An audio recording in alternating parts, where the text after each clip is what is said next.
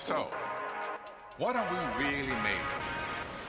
Dig deep inside the atom and you'll find tiny particles held together by invisible forces. Together by invisible forces. Newton es va deixar una llei. Això és la quarta llei de Newton i nosaltres us intentarem descobrir-la.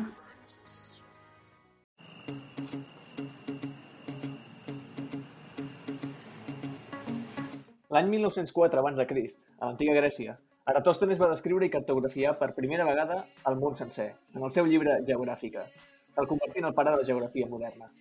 Va dividir la Terra en cinc zones climàtiques diferents, dues zones fredes als atols, dues zones temperades i una zona que englobava l'Equador i els tròpics.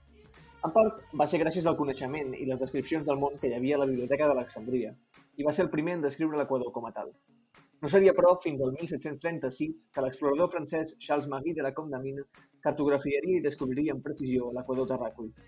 Però el cas és que sempre és fascinant pensar com s'ha construït el coneixement humà i veure tot el que desconeixíem a l'antiga Grècia i tot el que coneixem ara, cosa que, d'altra banda, evident tot el que desconeixem. I parlem de l'Equador perquè avui arribem al nostre propi Equador. Aquest és el 15è episodi de la quarta llei. Toca parar una mica, recuperar les forces, dedicar una mica més de temps a la recerca i potser també, si ens ve de gust, que ens ve de gust, i si tenim temps, que no en tenim, eh, pensar en noves idees per això que us fa batacar cada dimecres. Aquest capítol especial us porta temes especialment ordinaris, perquè ja sabeu que fem el que podem amb el que Déu ens dona. En Gerard començarà parlant d'alguna cosa que no ens ha volgut revelar. No seré jo el que li digui que Festa el Misteriós és contraproduent. Així que ho deixo com a exercici per al lector, o més ben dit, per tu, estimat oient. Seguirem repassant alguns dels descobriments més emblemàtics i parlarem dels Ig Nobels. I per acabar d'adobar, en Pau ens portarà la vida i miracles de la persona gràcies a la qual és més ràpid caminar per la diagonal que pels catets de la quadrico de l'Eixample, Pitàgores. Gerard, Pau, Miquel, us anava a demanar com estàveu, però crec que ho deixo pel Gerard perquè si no se li farà curt de la secció. Comencem.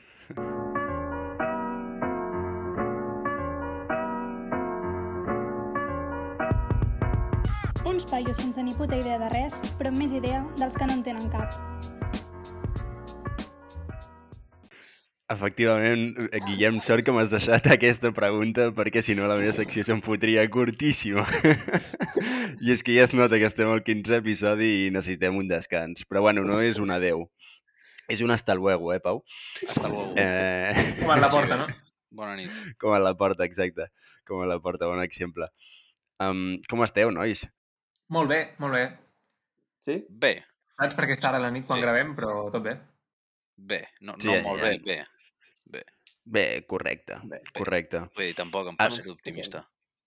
Sí, ara estàvem començant el- l'episodi i hem, tenit, hem tingut un, un problemet amb, amb, amb el so i això m'ha recordat que a la, els nostres oients no saben com estem produint tot això de, del podcast i potser estarien interessats. Perquè el que potser no saben és que estem renovant cada 14 dies la nostra subscripció a una pàgina web per tal d'obtenir els beneficis, a Zencast en concret, Però per tal d'obtenir els beneficis... Bueno, tio, però ja que som cutres, nosaltres Sí, a ser... científics sí, catalans també. També. A sobre perpetuant Total. els estereotips, Miquel. Tot malament. sí, Està exacte. tot malament aquí. És el que faig a la meva secció, ho sento. Total, que, que això, que renovem la subscripció a cada 14 dies per tal de poder tenir la versió gratuïta de, de A veure, com a detall graciós, s'ha de dir que a, a, a cada cop creem un usuari nou amb un nom d'un professor diferent. o sigui, que el més probable és que si mai algun d'aquests professors vol fer un podcast, uh, segurament trobarà que el seu usuari ja està utilitzat. O sigui, el no seu nom i cognom ja estan utilitzats. Ei, molt bé, nois, doncs això... tu com estàs, Gerard? No eh, ens, has, no ens has dit. Com estàs tu? Sí, mai us ho dic. Bé, bé, bé, molt bé, molt bé. Sí? Ha marcat el Madrid, estic una mica així d'allò, però, però bé, bé. Um, molt bé, nois, doncs situeu-vos. Uh, estem al menjar familiar típic de Nadal o de Setmana Santa. I l'àvia va preguntant a tots els seus cosins, o sigui, a tots els vostres cosins, què fan amb la vida. Val? Tots ho, van explicar, tots ho van explicant i arriba el vostre torn. Com expliqueu que esteu, que esteu buscant tot l'espectre d'energies d'un sistema solucionant l'equació de Schrödinger independent en el temps per a diferents potencials? Com li expliqueu això, nois? Així una pregunta fresca per començar. Ojo que Pau es mossega el llavi. No, jo t'anava a dir que, no, que no jo no tinc avis, estan tots morts. Així que no tinc el problema. Ah, és Sí, que tu és no vas... bra- És No, però reses, no?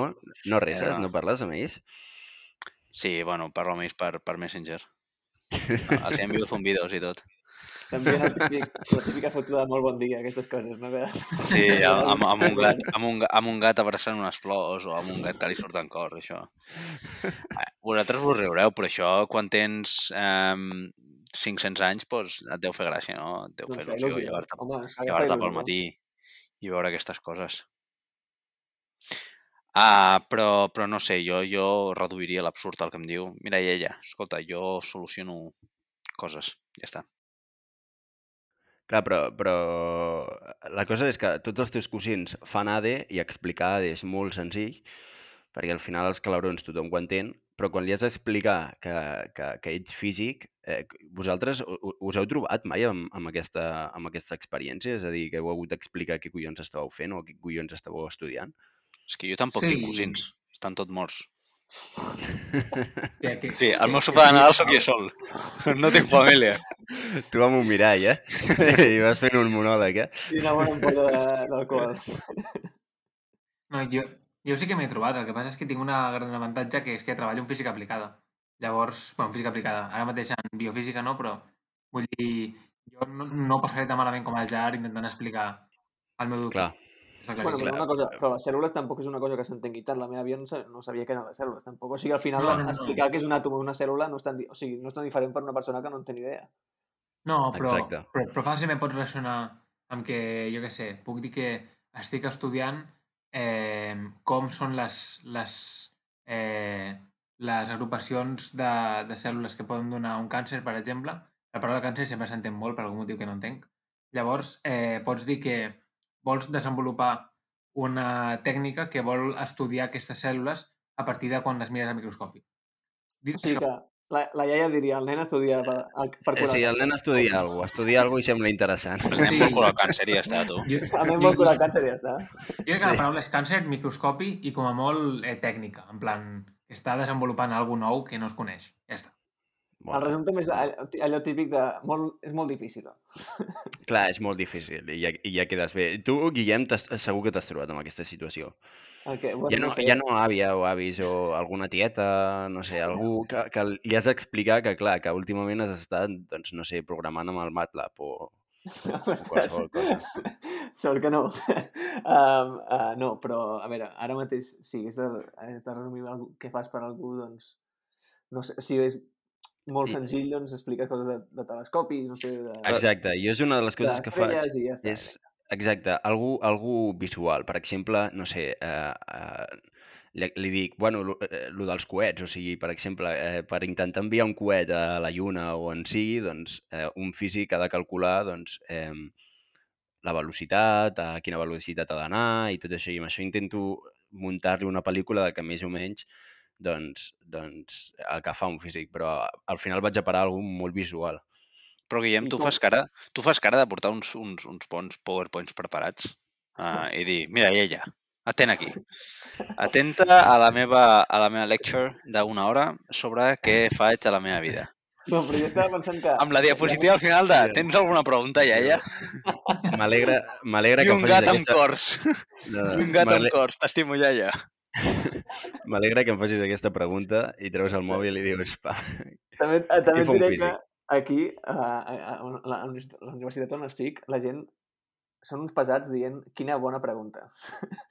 en sèrio, tothom ho diu, oh, quina bona... M'agrada que em facis aquesta pregunta. Tothom ho clar, diu. és que guanyes uns segons, guanyes uns segons molt bons perquè perquè reforces la, positivament el, el teu oient i, i tu pots a, a, pensar com, com afrontes la, la pregunta, o sigui, la Bueno, resposta. això, el, el quina bona pregunta és, és l'equivalent a, a fal·lació cunilingus en el, en el camp científic, no?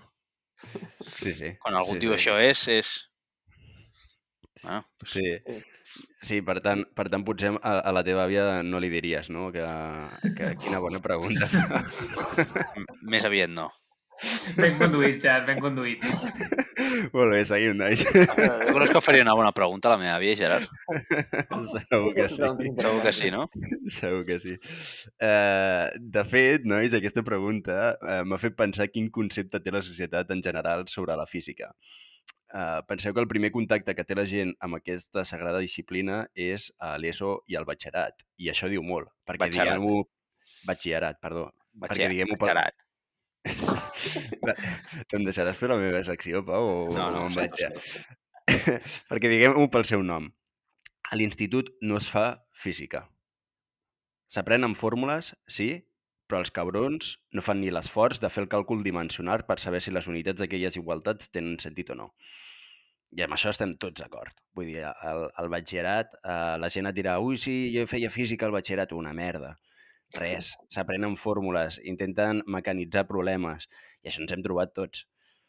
Sí, sí. I, i per exemple, vosaltres eh, al batxillerat fèieu aquella pijada de calcular càlcul dimensional? Potser hauríem de dir què és el càlcul dimensional, no? Per exemple, Pau, què, què, què, com podries explicar què és el càlcul dimensional així per, per tothom? Bueno, doncs trobar si les unitats tenen sentit. És a dir, no ho sé, Gerard. Estic, he begut una cervesa i, i la veritat no sé què dir-te.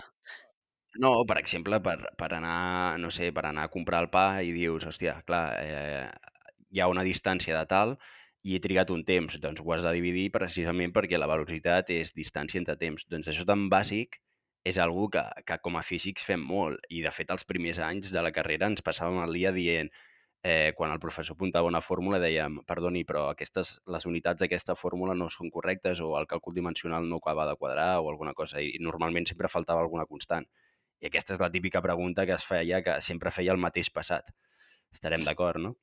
Sí. Bueno, però tu regues, tu regues molt de, de la física al batxillerat, però hi ha Sí. cursos universitaris que també és igual, que és memoritzar fórmules i mecanitzar coses. Efectivament. Vols dir?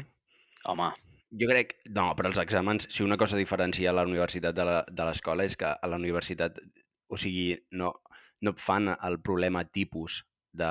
de, de o sigui, és que a segur l'escola... que no?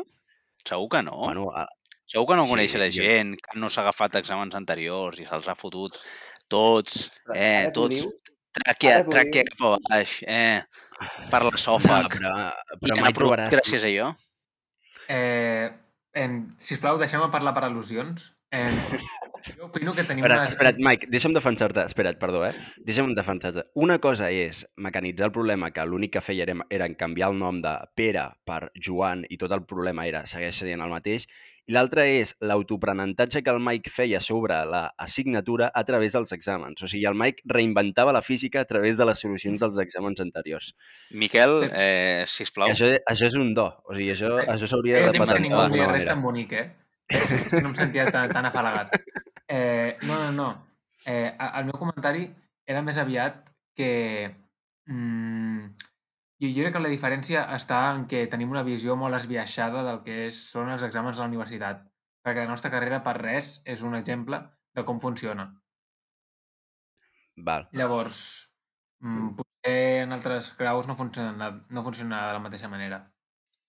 Jo, jo, a veure, jo he estat, um, quan vaig ser, he estat professor de- d'acadèmia durant, vaig estar l'any passat, bueno, abans de la, de la pandèmia, un any, i m'han vingut varia gent, eh, venia gent de, de primer de carrera i tal, amb problemes d'exàmens, amb exàmens diferents, i quasi tots els exàmens portaven um, problemes molt semblants entre ells.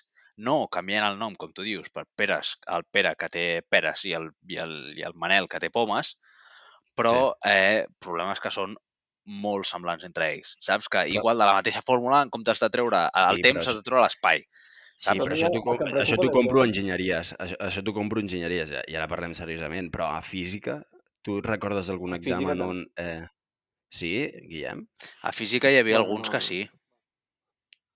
Uf, No sé, bueno, en així, ara qualsevol que cas... Que no, vull, que no, vull donar ja- al·lusió, no vull donar al·lusions aquí, però, però tinc, ex, tinc exemples concrets que dius, vale, si repasses exàmens anteriors, eh, tens mig examen fet, o més de mig examen, saps?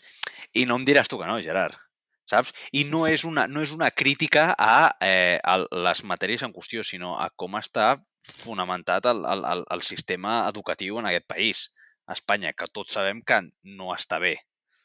Però Sí, una cosa a mi però- que em preocupa però- més és que la gent treu males notes igualment. Si tu et foten Sí, el sí, mateix això, problema, això és, això és, no això és és el com... pitjor. Això és Ah, el pitjor, Guillem, que, que No. joder, és, és ser tonto amb ganes. Eh, Però-. Suposo, suposo que sou conscients que estem atacant a gent que potser és la nostra audiència, oi? Vull dir, sapigueu. No, no, A mi però... m'és igual. No, però, A mi no, em paga ningú, Miquel. Jo, jo crec que la universitat no era tan descarat com, com el batxillerat o com, com a la física. Però en qualsevol cas, no ens, no ens desviem d'aquest tema. Parlem del batxillerat, nois. Eh, el- vosaltres com és que vau decidir fer física? Suposo que, que ho vau decidir, bueno, ho vau decidir a l'últim moment o era algú ja eh, premeditat d'abans o, o com va ser en el vostre cas? Vas escoltar una, una vagueta, Pau, que et va dir fes física? No, no, de fet, jo vaig fer física perquè em quedava més a prop de casa. Ja ho he dit en altres, altres podcasts. Jo volia fer Eros, però estava molt lluny, estava a Terrassa. I doncs, no anava a agafar el, el tren cada dia 45 minuts. Tenint física a 5 minuts de casa, 15 minuts a peu. Molt bé. Molt bé. Molt bé. Jo vaig fer enginyeria física perquè tenia una amiga que es deia Andrea Fontanet que em va dir faré enginyeria física i jo si l'Andrea Fontanet ho feia jo és que no podia fer altra cosa. Bueno, quina bona pregunta, Guillem. Quina bona pregunta d'Andrea. No hi havia cap pregunta. Pau. Jo, jo, jo vaig Et decidir... van posar el barret de, et van posar el barret aquell de Harry Potter i van dir física.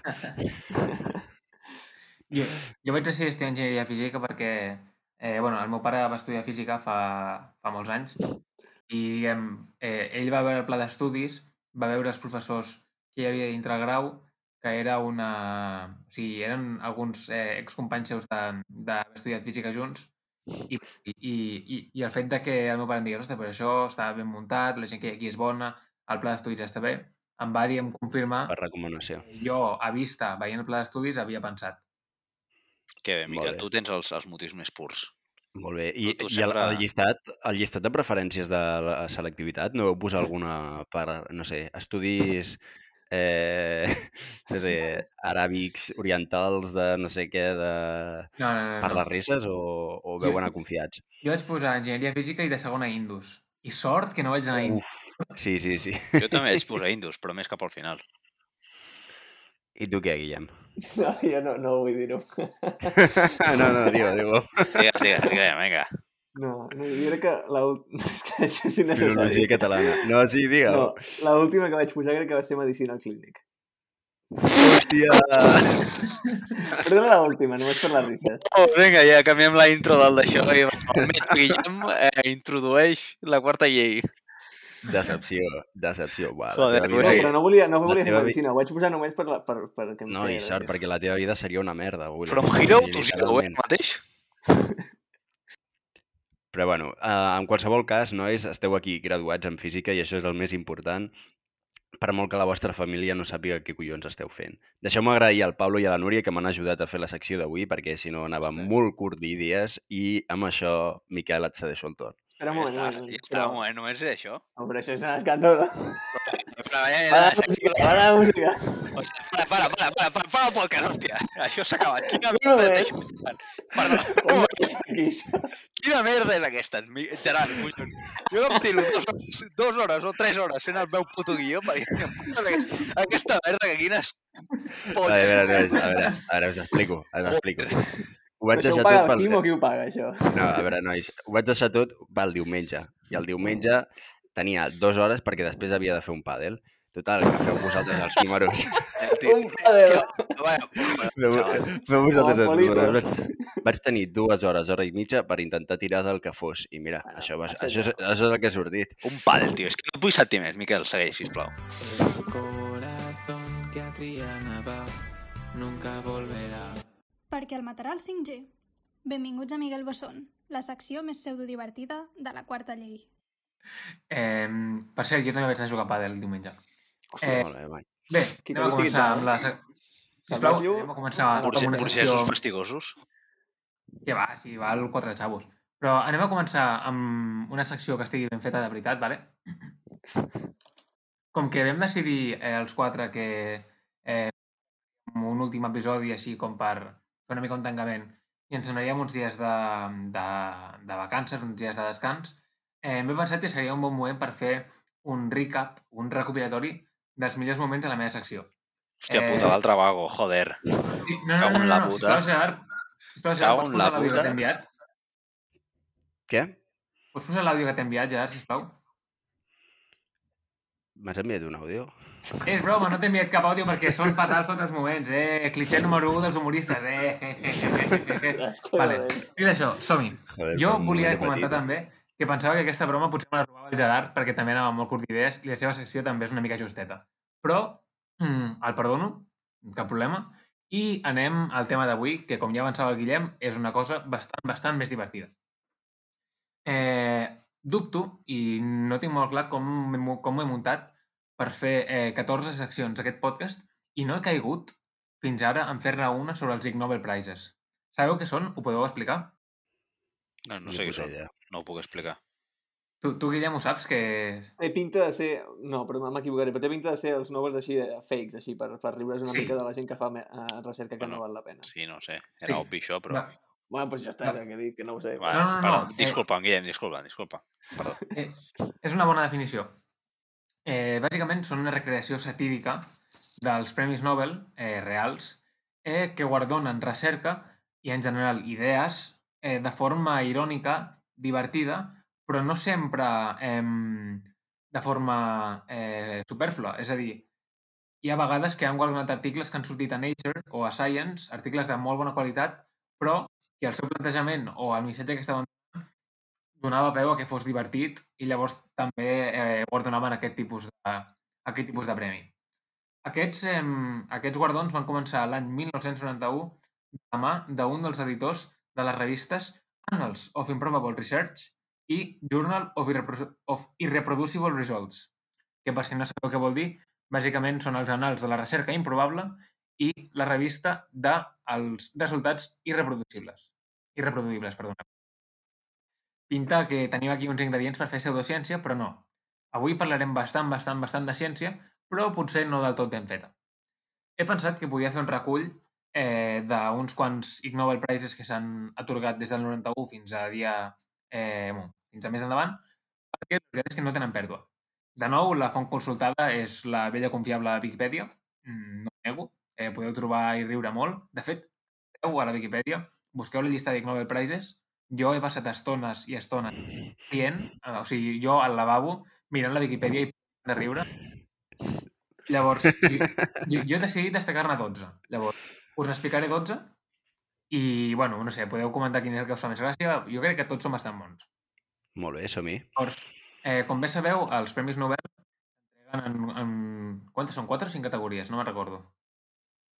Són el Premi Nobel de la Pau, de Literatura, Físic, Economia. Física, economia i literatura. Però si comptes els que importen, és només un, no? És de la Pau, de medicina, de física, de química, d'economia i de literatura. Són sis. Vale, 6. Eh, I de matemàtiques? No. No, no, a, no. Per què no? no Per què? matemàtiques. Per què no Per n'hi ha? És, Per una, què? és Per una què? bona pregunta. Crec que ha... Per què? No sé si és un mite o no. Això és una idea molt bona per una secció del Gerard d'aquí al futur. Vinga, Gerard, la deixem. Però, o per sigui, què les això, matemàtiques són les oblidades? No. per això, per això, vull dir, per una secció del Gerard és una merda. Vale, i la d'avui no, va, és broma, Pau, és broma. Va, Pau, resol Sí. tu, que t'estàs morint de ganes de dir-ho. Va, va, no- vinga, va. no, era, no era que, va. que, el, que el senyor No era Nobel... que... Jo, jo, bueno, jo crec que és la llegenda que, que s'explica, no? Que què? Ah, que el senyor Nobel era enemic d'un matemàtic i li va dir pues mira, faré uns premis i, ara, i a tu no et donaré. I ja està, no? Algo així. sí. Doncs ja ho sabeu, nois. Molt bé, Ja Mike, sabeu. fot-li. No estudieu matemàtiques. Aquesta és la moralina. Eh, bé, el primer exemple que us porto és el Premi Ig Nobel de Medicina del 1993, que Mhm. exemple d'aquests premis que es donen perquè són divertits, però que no per això deixen de ser recerques importants. Per exemple, en aquest premi van eh, guardonar els científics que van detallar quin era el tractament d'urgències que calia aplicar quan el penis se t'enganxa amb la cremallera del, dels texans. Quin és el, el tractament d'urgències a seguir. Llavors, pot ser molt divertit, però també és molt necessari tenir aquesta recerca feta. Llavors, aquests són els, són els tipus de guardons que es, en aquestes cerimònies. Per exemple, un altre Pajarito, eh? Pajarito, que es queda enganxat. Però Sí, aquest és fàcil, no? Vull dir, baixes la cremallera i prou, no? O Sí, com sí, joder, és com, com quan et claven una fletxa que te la treus i ja està. Sí, sí, exacte. Sembla tan fàcil, però no ho és. Eh, el Premi Ig Nobel de Literatura del 1993 va ser guardonat a un estudi clínic sobre la trombosi, que va ser últimament bastant de moda. Eh, a veure si això ens porta unes visites, unes views. Eh, I aqu- aquesta, aquest estudi clínic tenia 100 cops més autors que pàgines. És a dir, tenia 977 autors, 10 pàgines. Dues pàgines de les quals eren íntegrament per enumerar els noms i cognoms dels autors. Telita. Eh, segueixo. Premi Ig Nobel de Medicina 1994. Guardonat eh, per dues meitats. La primera, a un pacient que va rebre una picada de serp cascabell i que va decidir tractar-ho immediatament amb descàrregues elèctriques als seus llavis aplicades des d'una bateria d'un cotxe a 3.000 revolucions durant 5 minuts. Què li va passar? Eh, a, el, el primer segon va quedar inconscient. Però va sobreviure o no? Sí, sí, crec que va sobreviure, perquè es veu que hi havia llegendes, no estava gaire ben estudiat, hi havia llegendes que eh, parlaven de que els electroxocs podien ser una, una manera de tractar el verí de la serp cascabell. Llavors, l'altra part del premi va ser guardonada als autors d'un estudi que tenia aquest títol. Fracàs del tractament de les picades de serp amb electroxocs. Una recerca molt ben fonamentada. Sí, sí, la mostra va ser un tio i ja està, no? Molt bé. Eh, eh, era un paper de tres pàgines i estava bastant bé, eh? A, a, aquest sí que m'ha Sí. Jo per un Ah, moment m'he pensat que, que anaves a dir que el tio li havia picat el penis també i anaves No, a fer no, la broma no. del xiste. Saps el del xiste de hay que, hay que succionar i no sé què? Eh, no, però no ara, eh? que dius això, una cosa de la que m'he donat mirant... Però digues el xiste, Miquel, tio. Home, l'he obviat, evidentment. Aquí, els xistes en aquesta secció els poso jo, vale? Estaré Disculpa, molt bé, Mike. És la meva secció i faig el que vull. madura, madura.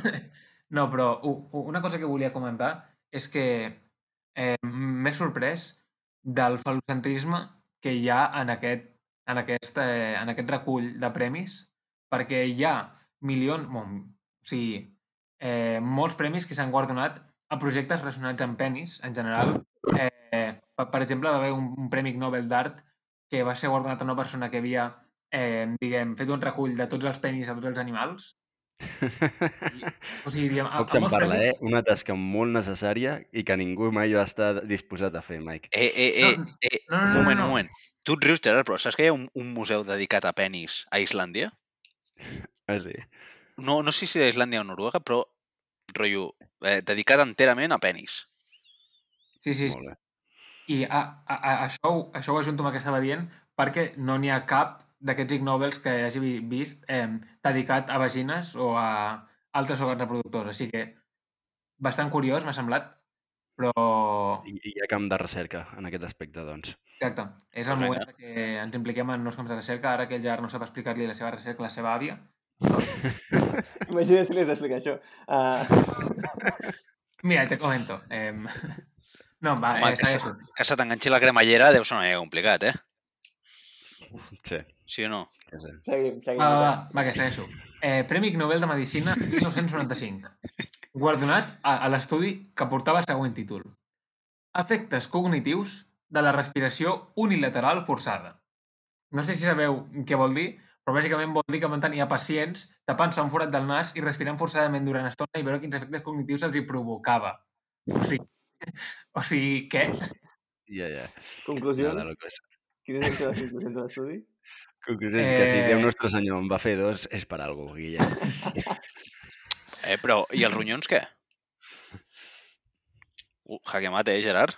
T'has No, quedat, quedat blanc, tio, t'has quedat blanc. T'ho he vist, vist a la cara. No, no, no.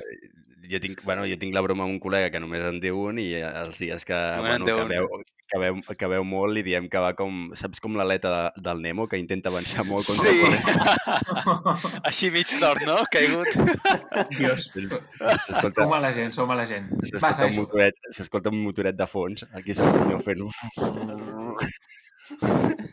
Va, va, que només n'he dit quatre, i encara me'n vuit. home. El ronyó. Que necessita Tu, elèctric. Pau, que és la meva secció. Ei. Eh, perdó, perdó. Eh, vale. Uh, Premi Ig Nobel d'Art a l'any 1996, guardonat a la primera persona que va eh, dissenyar un flamenc rosa de plàstic. No, no sembla tan, tan especial, però ho és perquè aquesta va ser la primera persona que va anar a la gala a rebre personalment el premi. I que aquí va haver un pas endavant S'ho va prendre en sèrio, doncs. Exacte. Això va ser bastant divertit. Llavors, eh, el següent Ig Nobel que he decidit destacar és Química 1996, que he decidit titular com a Barbacoa Speedrun. No sabeu què són els speedruns? Bàsicament és agafar un videojoc i intentar passar-te'l el més ràpid possible. Doncs, en aquest cas, eh, un professor de... No sé si em sembla que era d'una universitat de la costa est eh, americana, que va encendre una barbacoa en menys de 3 segons amb carbó, una cigarreta encesa i oxigen líquid.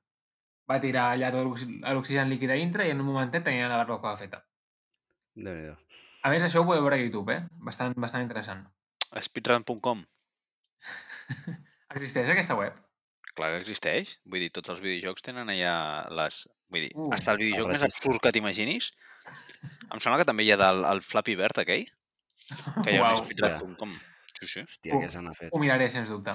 I has de pujar Eh. vídeo i tot, t'ho han de validar i tot, eh? Vull dir, és sèrio. I, i qui ho valida? Qui, qui, qui és el jurat d'un speedrun? Buah. pues no Va. sé, algun, algun tio que deu haver-hi darrere. La mateixa persona que fa protocols per si se t'enganxa el penis amb la cremallera. Va, Però, segueix, de- Mike. però deu donar pasta a la pàgina web aquesta. Disculpa, que sí. segueix, segueix. Va, eh, Física 1996, guardonat en un article publicat a European Journal of Physics, és a dir, una revista relativament sèria, eh, que era la demostració de que la torrada tendeix a caure al terra pel costat de mantega. Ah, Llavors- està bé, està bé. No, aquest, No, aquest, no, no, vull, no, no vull revelar eh, l'abstract d'aquest article, però és boníssim, llegiu-lo. És molt bo. Val. Eh, seguim. L'afegirem a- al post d'Instagram o no, Miqui? Eh, ho, ho podem comentar que, que, que llegeixin. És un abstract eh, molt, molt divertit. Eh, llavors, Premi Nobel de Medicina de l'any 1997, guardonat per publicar un estudi, o sigui, per atrevir-se a publicar un estudi, exclamava que la música d'ascensor estimula el sistema immunitari. Mm, jo, quan vaig veure això, em vaig posar a- allò, eh, música d'elevador 24 hores. Però... Elevador, eh? Que no ascensor, elevador. Sí, sí, sí, sí. Però, però no ho Ara- vaig aguantar gaire. Ara estem a Colòmbia. Traslladem a veure. Bogotà. O sigui, eh, és ben sabut que depèn del que busquis acabes en, en vídeos fets a, a l'Amèrica Llatina. Això és molt cert. Amèrica Llatina. Em, el Premi Nobel d'Estadística en 1998 eh, va ser guardonat a un estudi per les correlacions entre altura, tamany de peu i longitud de penis en diferents poblacions. O, eh, atenció, perquè jo crec que eh, estem arribant als tres millors. Eh, Premi Nobel de Sanitat, no sé bé què vol dir mm, sanitat, però mm, se m'ha acudit traduir-ho així, per, per, per patentar un aparell per facilitar el part mitjançant la força centrífuga. Sí, exactament com us imagineu. Lligar la de parir a una plataforma giratòria i fer-la girar fins que la centrífuga ajudi a, a treure el bebè. Com no se'ns havia acudit abans, això. Uah, pues molaria molt. La, la far gira molt ràpid i així que el nen surti i amb l'efecte Coriolis pues, se m'hagi a prendre pel cul, saps? I, ah, Poses, ah, mierda, ja! Poses, poses colxonetes i com el tablero de... A tot arreu. De, com el tablero de la canasta de bàsquet, que va així, toqui la colxoneta i ja directament a la incubadora. I, doni- Sí, sisplau, recordeu que no tinguem mai un fill, vale? eh, el Premi Nobel d'Informàtica de l'any 2000 va ser guardonat a un eh, informàtic d'Arizona per desenvolupar el software POSense, és a dir, P-A-B-doble, Sense, que detecta si el teu gat està passant per sobre el teu teclat. Uh, perquè que no, pot ser útil, eh?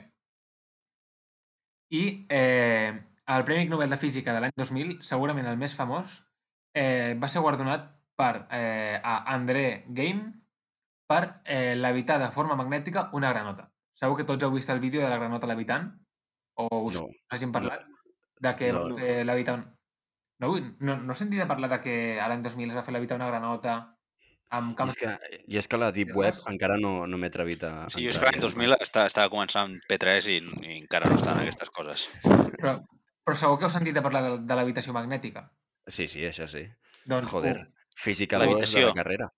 Sí, sí, sí, sí. Doncs Quina habitació? un dels principis, sí, un dels primers estudis que es van fer va ser eh, aquest justament de levitar magnèticament una granota. Llavors, té Però i com ho fots? físic, pues, bàsicament la granota està formada per, a- per aigua, que és un material, no sé, paramagnètic, diamagnètic, no me'n recordo, i eh, si poses el camp magnètic a una força bastant alta que toca, en la direcció que toca, pues, pots fer que un, alguna cosa basada en aigua i amb poca massa com una granota pues, leviti. Eh, és bastant interessant per això aquest cas, perquè l'any 2010 la mateixa, la mateixa persona, Andrea Game, eh, va rebre una part del Nobel de Física del 2010 pels seus estudis sobre grafè. Això el va convertir en l'única persona al món ara mateix amb un Ig Nobel i un Nobel a la vegada. No, però realment Vamos. és una cosa a posar al currículum. I, per més INRI, i això ja com a curiositat final, el 2001 Game va publicar un article on el seu hàmster, que havia sigut sotmès a l'habitació magnètica, n'era un coautor. Realment, a, a, a, o sigui, un autor és André Game i l'altre és H.A.M.S. Eh, espai ter. Sigui, tal qual. És que, de fet, em sembla, em sembla una, gran, una gran falta de respecte que l'altre no hagués inclòs a la, a la granota. Imagina, imagina que tu ets una granota i t'agafa un tio i, i et fot a la vida i dius, hòstia, què, què passa aquí, tio? No toco el terra. Sí, sí, Bé. duríssim. Pobra, pobra granota. Em, he decidit que tancava aquí la llista. Eh, no és que hi hagi hagut Ig Nobels des de l'any 2000, sinó que he decidit guardar-m'ho per si mai algun dia vaig cordar idees i en comptes de fer una secció com la que ha fet el Jar, pues, porto les de les següents dècades. Molt bé, Mike. Molt bé. Mm, fins aquí. Espero que us hagin agradat perquè són realment molt divertits. Grande, Miquel. Molt bé. Guillem, vols fer alguna cosa i fas la transició entre el Miquel i el Pau o vols Vinga, seguir... jo anava a dir una cosa que hi ha una, un article que no he comentat així també una mica falocèntric que es diu Optimal Tip-to-Tip Efficiency uh, que bàsicament són uns paios que van estudiar quina és la manera és una mica barroer, però la manera, quina és la manera més eficient de masturbar dues persones que estan una davant de l'altra uh, a la vegada. I dit això, crec que podem passar a la secció del Pau. El quadern de Pitàgores, perquè tots els genis tenen les seves coses. Vale, som-hi, hòstia. Uh, Ig Nobel Prizes. No, aquí no. El guió. Sí, Vinga, benvinguts, benvinguts amics pitagòrics a la secció on, de la mateixa manera que un quadern de bitàcula, explicarem tot tipus d'anècdotes que han passat a científics i científiques. Um, abans de començar, m'he fixat en que el Miquel fa molt així amb les mans, quan parla al principi, saps? Podríem fer un mapa de calor de, dels seus moviments amb els braços, perquè re- realment és divertit. Al, al principi, quan no ha d'enumerar coses, fa així. Fa, bueno, uh, sabeu que, uh, bueno, això o l'altre, no sé què. Que no ho estan veient, No sabies, Pau? però bueno. Tu sabies, Pau, que les paraules així, fa això i tal estan molt bé per un podcast que no ens veuen, oi? Sí. sí. Sí, sí, exacte. Però, però la gent sap de què parlo. Vull dir, ara sap que, sé, sé que estic dient que sí amb el cap, sé que estic dient que no. I, i jo ho tinc claríssim, jo et veig. Eh, vull dir... Els oients saben. Vinga. Avui eh, vull ser sincer i us diré que um, m'he llevat sense ganes de fer-me un guió. Realment, Mira que et vam era endarrerir el dia, eh? re, realment amb avui vull dir ahir, perquè ahir era el dia que havíem de gravar, però no vam gravar, perquè un tros de merda que es diu Gerard va dir eh, no puc arribar. Però bueno, és més, per no tenir, per no tenir, no tenia ni ganes de gravar. Però després, però després vaig recordar el meu compromís per a con als nostres oients i l'ús i promoció del català com a llengua que, malauradament, s'erosiona a poc a poc i que és el nostre deure com a catalans de bé de conservar. I, bueno, eh, encara m'ha donat més mandra. El factor determinant, tot i això, el factor determinant ha estat recordar que ens venen dues setmanes de festa sense un Ei, nois, de què parlareu al podcast? Els diumenges per la nit per part del Guillem. En fi, que, que aquí estamos, no? Eh, doncs fruit d'aquesta flagrant excitació per la secció d'avui, us porto el seu creador. En grec, en grec clàssic, Pitagores, com diu el Translate de Google, que és la font més fiable de eh, pronunciació grega que tinc a mà. El saurí de les matemàtiques, nigromant dels triangles rectangles i augur de l'aritmètica. Considerat per molts el primer matemàtic pur, el meu creador va néixer a Samos, una de les moltes illes que componen els territoris marítims de Grècia, l'any 569 abans de Crist. Per cert, us heu adonat que les sigles abans de Crist i després de Crist generen ACDC?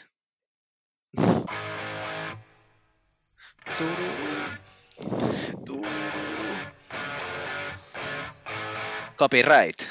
Dit això, que no té res a veure amb el nom, no té res a veure amb el nom de la banda, que ve de l'abreviatura de corrent alterna i corrent contínua en English. Quan menys us espereu, us il·lumino el dia, eh? És que m'ha semblat tan gratuït. Bastant, bastant. Jo crec que això és típica frase de lligar. Eh, Ei, O sigui, en el teu cap però funciona. has dit, segur que quedarà de puta mare. i ha quedat de puta mare. Vull dir, això segur que algun oient em parlarà demà dient, tio, l'enhorabona No vas, escoltar, no vas escoltar el que va fer el Pau l'altre dia? Vinga, home, joder, que vull acabar ja, m'estic pixant, hòstia. Uh, deixant enrere la dosi de subnormalitat setmanal, us dic que, que la majoria de la vida de Pitagores no es pot verificar amb escrits de cap tipus, ja que fins a uns 200 anys després de la seva mort no es van començar a redactar els seus relats.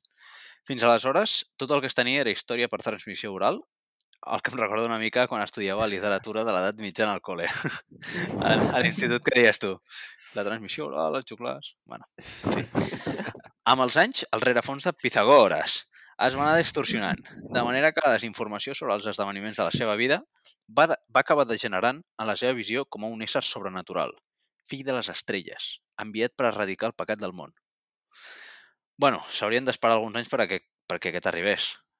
Um, de fet, vosaltres creieu que Jesucrist, el Messias Salvador, profeta en temps de maldat del diable, va existir? Sí, sí, sí, segur que va existir. Segur, segur. sí, Ara, va existir. que transformés l'aigua en vi, això és una altra cosa, eh? Hombre, això ja m'agradaria veure a mi, eh? Jo, jo estic d'acord amb tu, Gerard. Jo, jo també crec que va existir.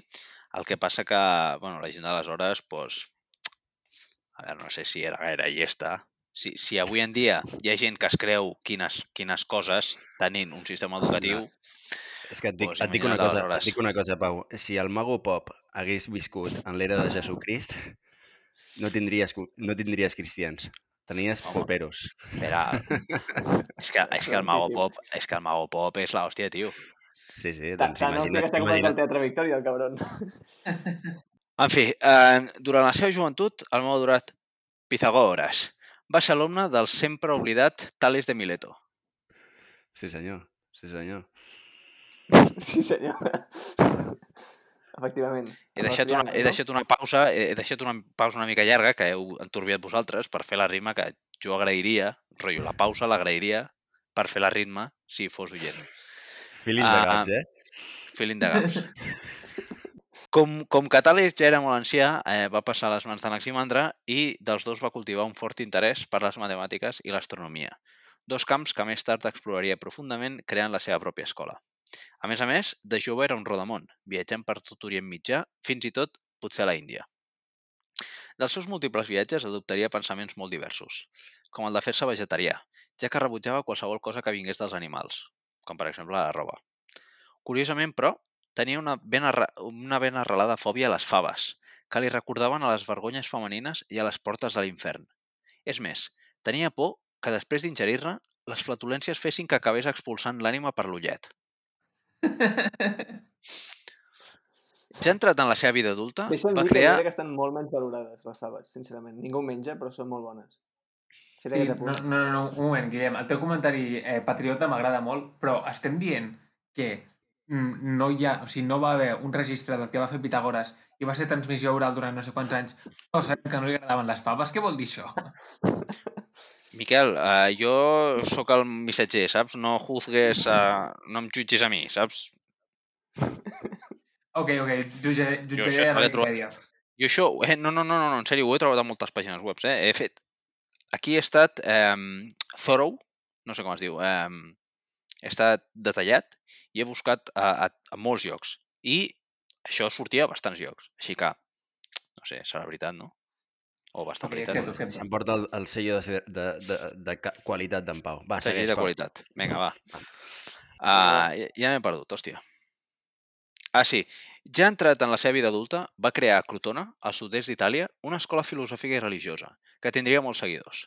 Suposadament, es va casar amb Tiano, una dona de Crotona amb qui tindria un fill i una filla o dues filles. No se sabe del todo. A la germandat pitagòrica podien pertànyer homes i dones i practicaven un secretisme molt estricte, així com una devoció total als números.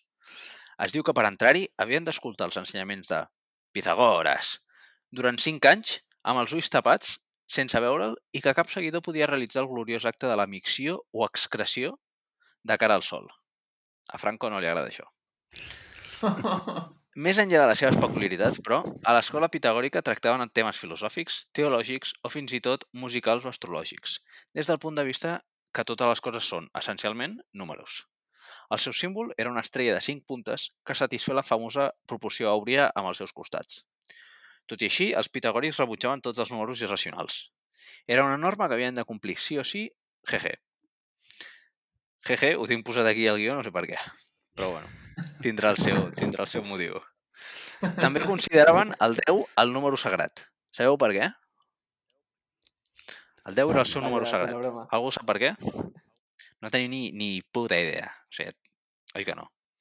Ni idea. Pues bé, se suposa que aquest 10 era la suma de totes les dimensions que podíem percebre. Perquè si agafes un punt, això seria com una dimensió. Si agafes una recta, vindria a ser els dos extrems de la recta, per tant, dues més, eh, igual amb un triangle en, en 2D que té el, els tres vèrtex i amb 3D doncs un tetraedre que té quatre puntes. Per tant, si sumes 1, 2, 3, 4, doncs t'acaba donant 10. Si no li busqueu més sentit, és aquest. A més a més, un número perfecte era aquell que s'obté sumant tots els seus divisors, excloent-lo ell mateix, evidentment. Me'n sabríeu dir algun? Algun número perfecte? El 6? Molt bé, Gerard. El 6 és un número perfecte. De fet, és el primer. Sí, El senyor. segon? N'hi ha més? Ah, El segon, doncs no ho sé, Pau. Així, aquí sí que em pilles. el primer no, de- Miquel. Vull dir, l'1 no pot ser, el 2 tampoc, el 3 tampoc, el 4 tampoc. No? Mm, El següent és el 28. D'acord? Eh, el 496, 8.128, eh, per... Uh, sí, exacte. Ah, no, això ve després, joder. Eh, el grec Euclides, de fet, va descobrir que els quatre primers números perfectes segueixen la regla de 2 elevat a la n menys 1 per, parèntesis, 2 a la n i cap a baix, menys 1. I són els que us he dit, 6, 28, 4, eh, 96 i 8.128, per Ns, 2, 3, 5 i 7. De fet, fa no gaire, el 7 de desembre de, 1000, eh, de 2018, es va descobrir el número 51 de la llista de números perfectes. Té 49.724.095 dígits i ve donat pel resultat de 2 No. elevat 2 elevat a 82.589.932 multiplicat Espera, espera, per...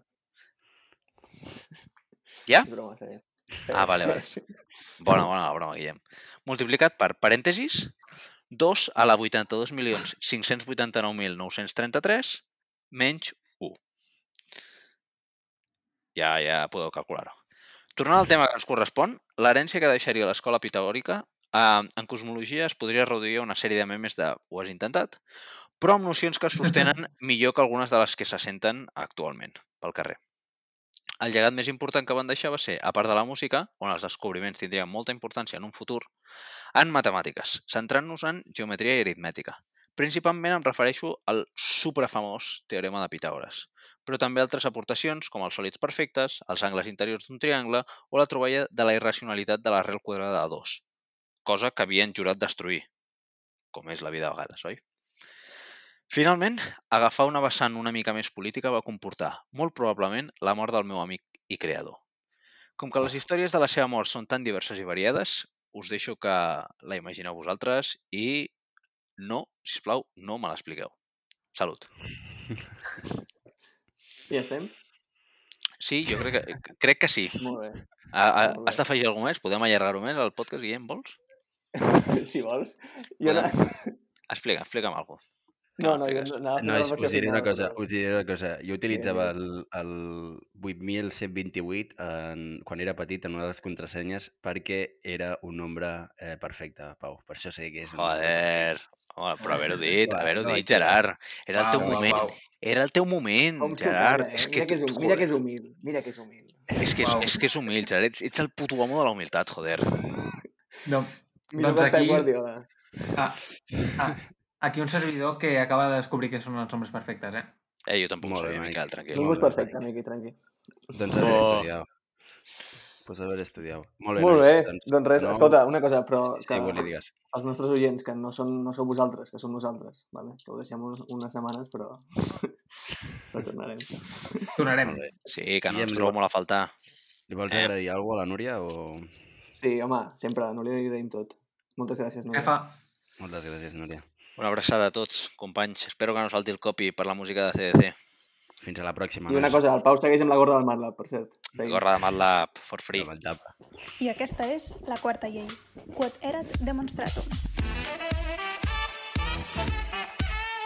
Si la voleu entendre més a fons, escolteu-nos al proper episodi i seguiu-nos a les nostres xarxes socials a arroba la quarta llei.